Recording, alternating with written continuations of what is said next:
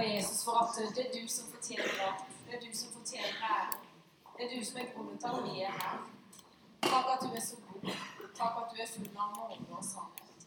Takk at du er sammen med oss. Takk for det, Jesus. Amen. Temaet for uh, talen i dag, det er rett og slett godhet. Godhet, som Vidar sier. Han har den D-en. Det klarer ikke det. Jeg er litt mer fornlending. Jeg vet ikke om jeg har D-en i Sverige, men jeg sier god. Godhet. Meira. Godhet. Eh, her i menigheten så arrangerte vi i fjor noe som vi kaller for godhetsuke. Det gjorde vi sammen med Menighetssenteret. Og det var første gang vi gjorde det. det er det fordi vi er så veldig gode, tenker du? Da er svaret nei. Men det er rett og slett at vi har tro på det at små ting gjort i kjærlighet, det kan bety en forskjell. Derfor så hadde vi ei uke i fjor der vi hadde fokus på det å ut i bygda vår og gjøre godt. Og Jesus han er jo vårt forbilde. Og i Apostlenes gjerninger kapittel 10, 38, der står det i studiebibelen for Twins, så står det det. Dere vet hvordan Gud selv salvet Jesus fra Nasaret med en hellig ånd og med kraft. Og Jesus gikk omkring og gjorde godt og helbredet alle. Så Jesus han var faktisk det han var kjent for, det var å gå omkring og gjøre godt. Han var god mot mennesker. Så den uka som eh, vi hadde i fjor, da så vi at vi hadde en mulighet til å vise godhet til mennesker i skolen. Derfor så skal vi i år òg gå for denne uka. Vi opplevde det veldig positivt. Det at vi og Menighetssenteret sto sammen om denne uka. Det var 100 arbeidere i sving i løpet av denne og 28 oppdrag ble utført. Det syns jeg er grunn til en Du kan få lov å gi en liten for det. Det å stå sammen sånn og være med og vise godhet rundt i bygda, det syns jeg var fryktelig gildt. Jeg tror at godhet det gjør noe med både det, de menneskene som mottar den godheten, men òg med de som er med og gir godheten. Det å få lov å jobbe sammen i team, ha det gøy å være der ute, det, det var veldig stas. Eh, og jeg må si Jeg har hatt en heldig oppgave forrige uke jeg ringte litt rundt. For en del oppdrag, så det er sånn at Du kan melde inn oppdrag på en mail. Og så skulle jeg ringe rundt og snakke med litt mennesker da, som, eh, som jeg sa at vi kunne komme og hjelpe. Og det er jo en takknemlig jobb å ta den telefonen og si at, eh, at vi kan komme og bidra med ulike ting som maling, hagearbeid, litt snekkerarbeid, husvask for ulike mennesker i Froland. Det er gøy å få lov til. Eh, godhet, som jeg sa, det gjør både noe med mennesker som gjør den, og med menneskene som opplever den godheten. Og det samholdet er veldig bra. Frode, du er her. Du er en av de som sier at du har opplevd noe med denne godheten. Frode han eh, får deg til å fortelle litt om hvordan han har opplevd noe av det med godhet. Hei, alle sammen. Jeg heter Frode Karlsen. Og mange ukjente her i dag. Guds fred. Ehm, Jeg kommer fra et miljø med masse rus og elendighet. Og jeg må bare si den mottagelsen jeg har fått her i denne menigheten for fire og et halvt år siden, det har vært helt fantastisk. Jeg må bare få benytte anledning til å takke dere alle sammen for eh, det dere har gjort for meg, med den godheten dere har vist mot meg. Det har betydd så mye for meg. Så jeg vil bare benytte anledningen. Og, og når man kommer fra et miljø med masse rus, så har man ikke så veldig god økonomi. Så, så kom det til at vi skulle gifte oss, her og da stilte menigheten opp med lokaler og med mat og med alt som skulle til. Så 100 gjester ble mettet. Så jeg vil bare takke dere for det. Så må dere alle ha en velsigna god dag. Det som er fantastisk, det som en opplever med Frode, når en får smake på den godheten. Så er jo Frode en av de råeste til å løpe rundt og skulle hjelpe andre. vet du. Han vet jo ikke det beste han kan få gjort for mennesker. Og han er alltid en av de første hvis det er noe en trenger noe praktisk hjelp til. Flytte på et bord, ordne på et eller annet, så er Frode på plass med en gang. Det er fantastisk. Det er bra å ha Frode i menigheten. Eh, vi starter med å lese Filipperne 4-5. Der står det La gleden dere har i Jesus, alltid prege dere. La alle mennesker få merke at dere er vennlige. Herren er nær. La alle mennesker merke at dere er vennlige. Det er ganske store ord. Det kan være ganske utfordrende til tider. Og så kan en kjenne på alle de innvendingene, da. Eh, Nei, jeg kan jo ikke vise godhet, for da kan jo andre mennesker tro at det er så mye bedre enn alle andre at jeg tror det. Eller Nei, det holder jo ikke bare å vise, eh, det holder ikke bare å vise godhet. Vi er nødt å dele evangeliet med ord. Eller hvis jeg bare gjør godhet en godhetsuka eller andre ganger, og ingen tar imot Jesus, liksom, da er det ikke vits i med hele godheten. Det er mange forskjellige tanker rundt det med godhet. Men vet du noe? Jeg tenker på at I dag skal vi snakke litt om det at en godhet uten en skjult agenda. Godhet er viktig. Godheten i seg sjøl er viktig. Og vårt forbilde er Jesus. Så det ønsker jeg å si litt om i dag. Punkt nummer én. Var Jesus en telefonselger? Det eksempelet jeg skal komme med nå, det er ikke til forkleinelse for noen selgere. Bare så det er sagt. Vi har verdens beste Honda-selger her i dag. Basse, vet du. Han er på plass. Veldig bra. Så det eksempelet jeg skal komme med nå, det er ikke til forkleinelse for noen selgere, men jeg skal bare bruke som et bilde. Du skjønner det litt etter hvert. Ok, se for deg. Telefonen ringer. Du tar telefonen. Og i den andre enden, der er verdens koseligste fyr. Hallo! Neimen, hallo! Er det Kristine Laurak jeg snakker med i dag? Neimen, så koselig å treffe på du på morgenkvisten. Uh, ja, det er meg. Uh, ja, men åssen har Kristine Laurak det i dag, da? Åssen har du det langt der oppe på Øyneheia? Uh, jeg har ikke peiling på hvem jeg snakker med, men personen virker jo veldig hyggelig, da. Og så drar han kanskje en liten vits, og så snakker han om at været er så fantastisk ute, eller om at det er mye snø, eller Det er nesten sånn at du kan se smilet igjennom telefonen på en måte. Men samtidig så virker kanskje personen litt sånn lyttende òg til det lille sier, og virker interessert. Men det er liksom litt sånn hyggelig og rart samtidig, skjønner du? Litt merkelig. Og da når vi har prata litt sånn, liksom, så plutselig så merker du at han begynner å snakke med et produkt. Og da går det opp et lys. Jaha, det er jo en telefonselger som ringer, ja. Ja, stemmer.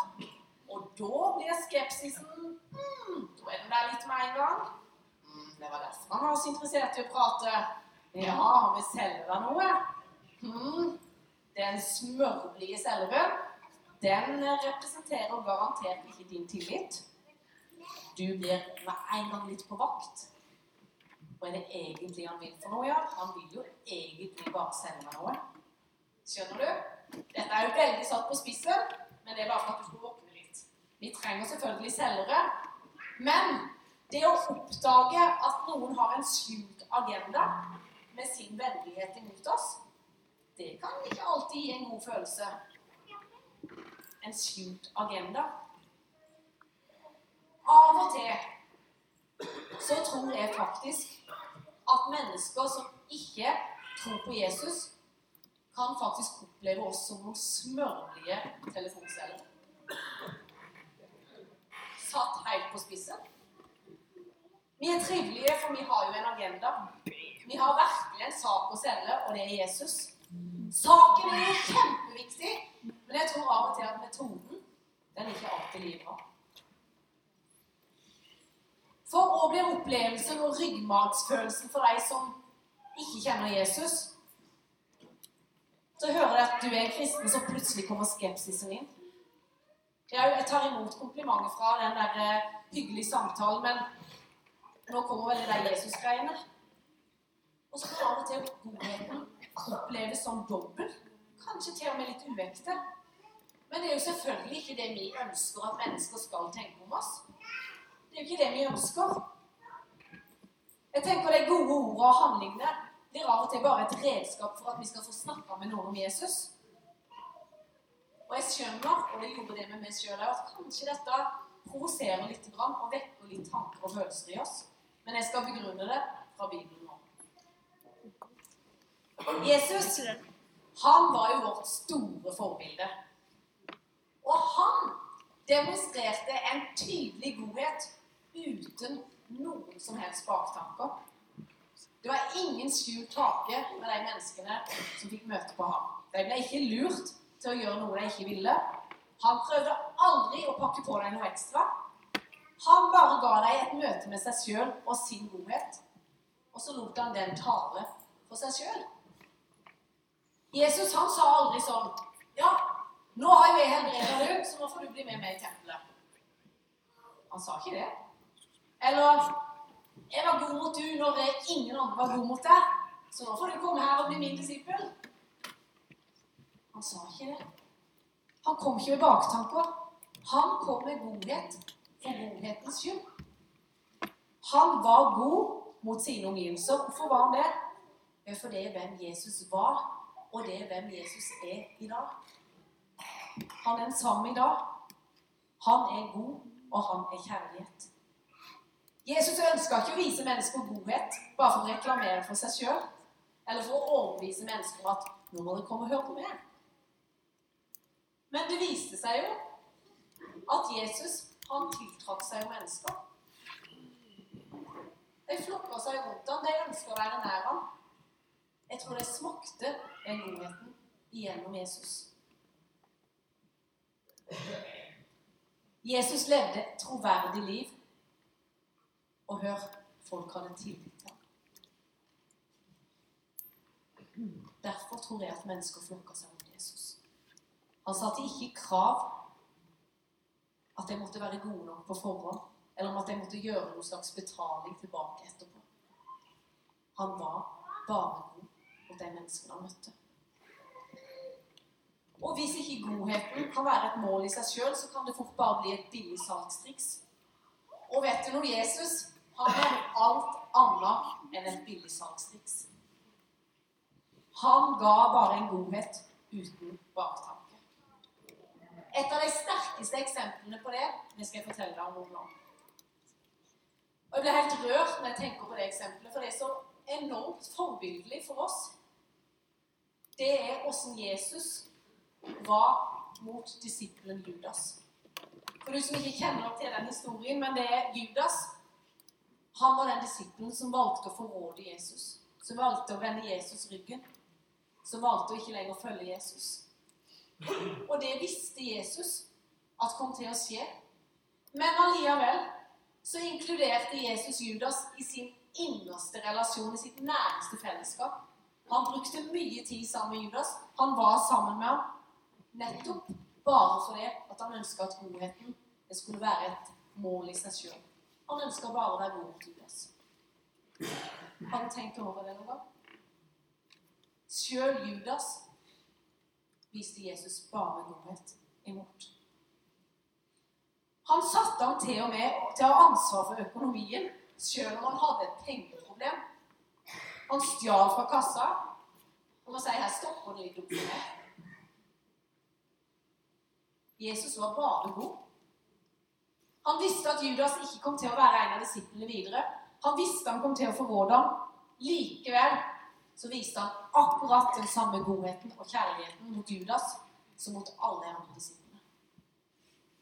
Det er hvem Jesus var, og det er hvem Jesus er. Han setter ikke opp kriterier. Han gir ikke noe for å få noe tilbake. Han gir fordi han er god. Det er hans standard. Han viser godhet uten baktanke. Punkt nummer én det var altså Er Jesus en telefonselger? Nei. Han er god bare for å være god. Og punkt nummer to målet for godhet er godhet. Målet med godheten det må være at mennesker får erfare den og våge å ta imot den for det den er. Vi kan ikke redusere et karaktertrekk med Jesus til et middel bare for å nå vår strategi. Men la meg si det så tydelig at ikke det er noen som helst misforståelse. Det betyr ikke at det ikke er viktig for Gud at mennesker kommer til tro på ham og blir en del av et større fellesskap og får et evig liv i vente. Det er jo selvfølgelig vår lengsel, og det er Guds største lengsel. Det er jo derfor han sendte Jesus til jorda, for han ønsker fellesskap med alle mennesker. Så god er han. Det er jo hans største, største ønske. Likevel så var det noe i mine tanker som måtte endres litt. Men av og til tenkte at godhet, ord, Jesus Er det, er det motsetninger? Jeg tror vi må vekk fra de tankene om at mennesker bare kan møte Guds nåde kun gjennom ord. Vi kan av og til tenke det at eh, ja, vi kan vise godhet, men vi må hekte på en hel andakt etterpå for at det skal være noe vits i hele godheten. Vi trenger både ord og evangelisering. Og jeg tror noen mennesker har de gavene enda mer enn andre til å snakke med andre mennesker. Så det er ikke til forkleinelse for det. Jeg heier på alle de som har de gavene, og vi trenger det. Men jeg tror det er nødvendig at hvis vi tenker at ordet er helt nødvendig for å vise hvem Jesus er, så tror jeg kanskje vi må tenke litt annerledes. Og da gir vi jo uttrykk for at Gud er helt avhengig av våre ord. Og da gjør vi Gud ganske liten. Det eneste måten mennesker kan møte den kjærlige, gode Gud på, er gjennom våre ord. Da gjør vi Gud ganske liten. Forkynnelse er viktig, men det tror jeg godhet er. Det er ikke åndelig nok, sier du kanskje. Var det godt nok for Jesus? Da tenker jeg at det må være godt nok for oss òg. Martin Cave, noen av dere har hørt om han. Han var på besøk her i menigheten for eh, et par helger siden. Han er pastor her i Imi-kirka i Stavanger. Han fortalte det at eh, menigheten deres de hadde fått snappa opp at eh, det var litt problemer og litt vanskeligheter og utfordringer for noen av de muslimske barna der i nærmiljøet. De muslimske barna og ungdommene de hadde det litt tøft. Det var litt vanskeligheter. Og da tenkte menigheten med en gang Hva kan vi gjøre med det? Hva kan vi hjelpe til med? Så de samla inn en gave, like godt på 30 000. Samla inn penger, og så gikk de ned og banka på der, eh, der som muslimene holdt til. Med pengegave og med ei kake. Tenker jeg, Var de enige med alt det muslimene står for eller holder på med? Nei. Fikk de lov å eh, forkynne og holde en tale der i moskeen? Nei. Ble muslimene sjokka over deres godhet? Ja. De ble dypt rørt noen i en kirke brydde seg om ungene deres. De ble helt sjokka over den godheten at de tenkte på deres unger og ønska å gjøre noe med det.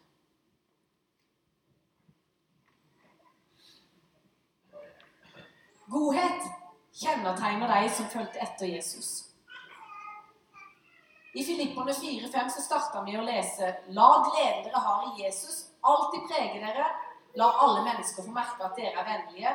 Herren er nær. Oppfordringen til Filippermenigheten den var tydelig. Kjærlighet, vennlighet og godhet. Det er faktisk vitnesbyrd på hvem vi ønsker å følge etter. Ut fra det så kan vi tale med våre liv med hvem det er vi ønsker å følge etter. Hvem er vårt forbilde? Og tenk og fantastisk hadde vel ikke det vært? Det lengter jeg etter, og det ønsker jeg, at denne kirka skal bli en plass der mennesker kan si Å, jeg har noen utfordringer i livet, ting er vanskelig nå, så jeg velger å gå til Misjonskirka. Eller jeg er så ensom nå, jeg syns livet er litt vanskelig, derfor så velger jeg å gå til Misjonskirka. Eller andre menigheter i Froland, selvfølgelig. Eller jeg trenger noen å snakke med, så jeg velger å gå til kirka. Det tror jeg at er meint at det er de vi skal være for andre mennesker. Vi som følger etter Jesus, er bare et håp. Fordi vi kan få lov til å demonstrere hans godhet. En godhet som alle kan våge å ta imot, og en godhet som det ikke knyttes noen betingelser til. Det er en godhet som Gud gir, og den godheten kan vi få lov som mennesker og menighet å gi videre. Jeg kom i snakk med en mann på, eh, på, et kjøpesenter her for bare noen få dager siden. Han hadde vært innom menigheten her i forbindelse med at eh, kona hadde vært med på noe. Og så, og så sa han det at eh, jeg likte meg egentlig godt. Jeg syns egentlig det var veldig koselig å være der. Men, men kan, jeg egentlig, kan jeg egentlig være der? Hva mener du? spurte Nei, jeg, kjenner egentlig ikke til dette med kristenliv i noe i det hele tatt. Og vet ikke om jeg tror eller ikke tror. eller Jeg har ikke peiling på noe av dette. Kan jeg komme i kirke? Jeg, jeg var så glad for at jeg fikk lov å stå. Ja, du er hjertelig velkommen. Trives du i vårt fellesskap? Har du lyst til å være sammen med oss, så er du hjertelig velkommen til vår kirke. Jeg var så glad for at jeg kunne stå og fortelle det.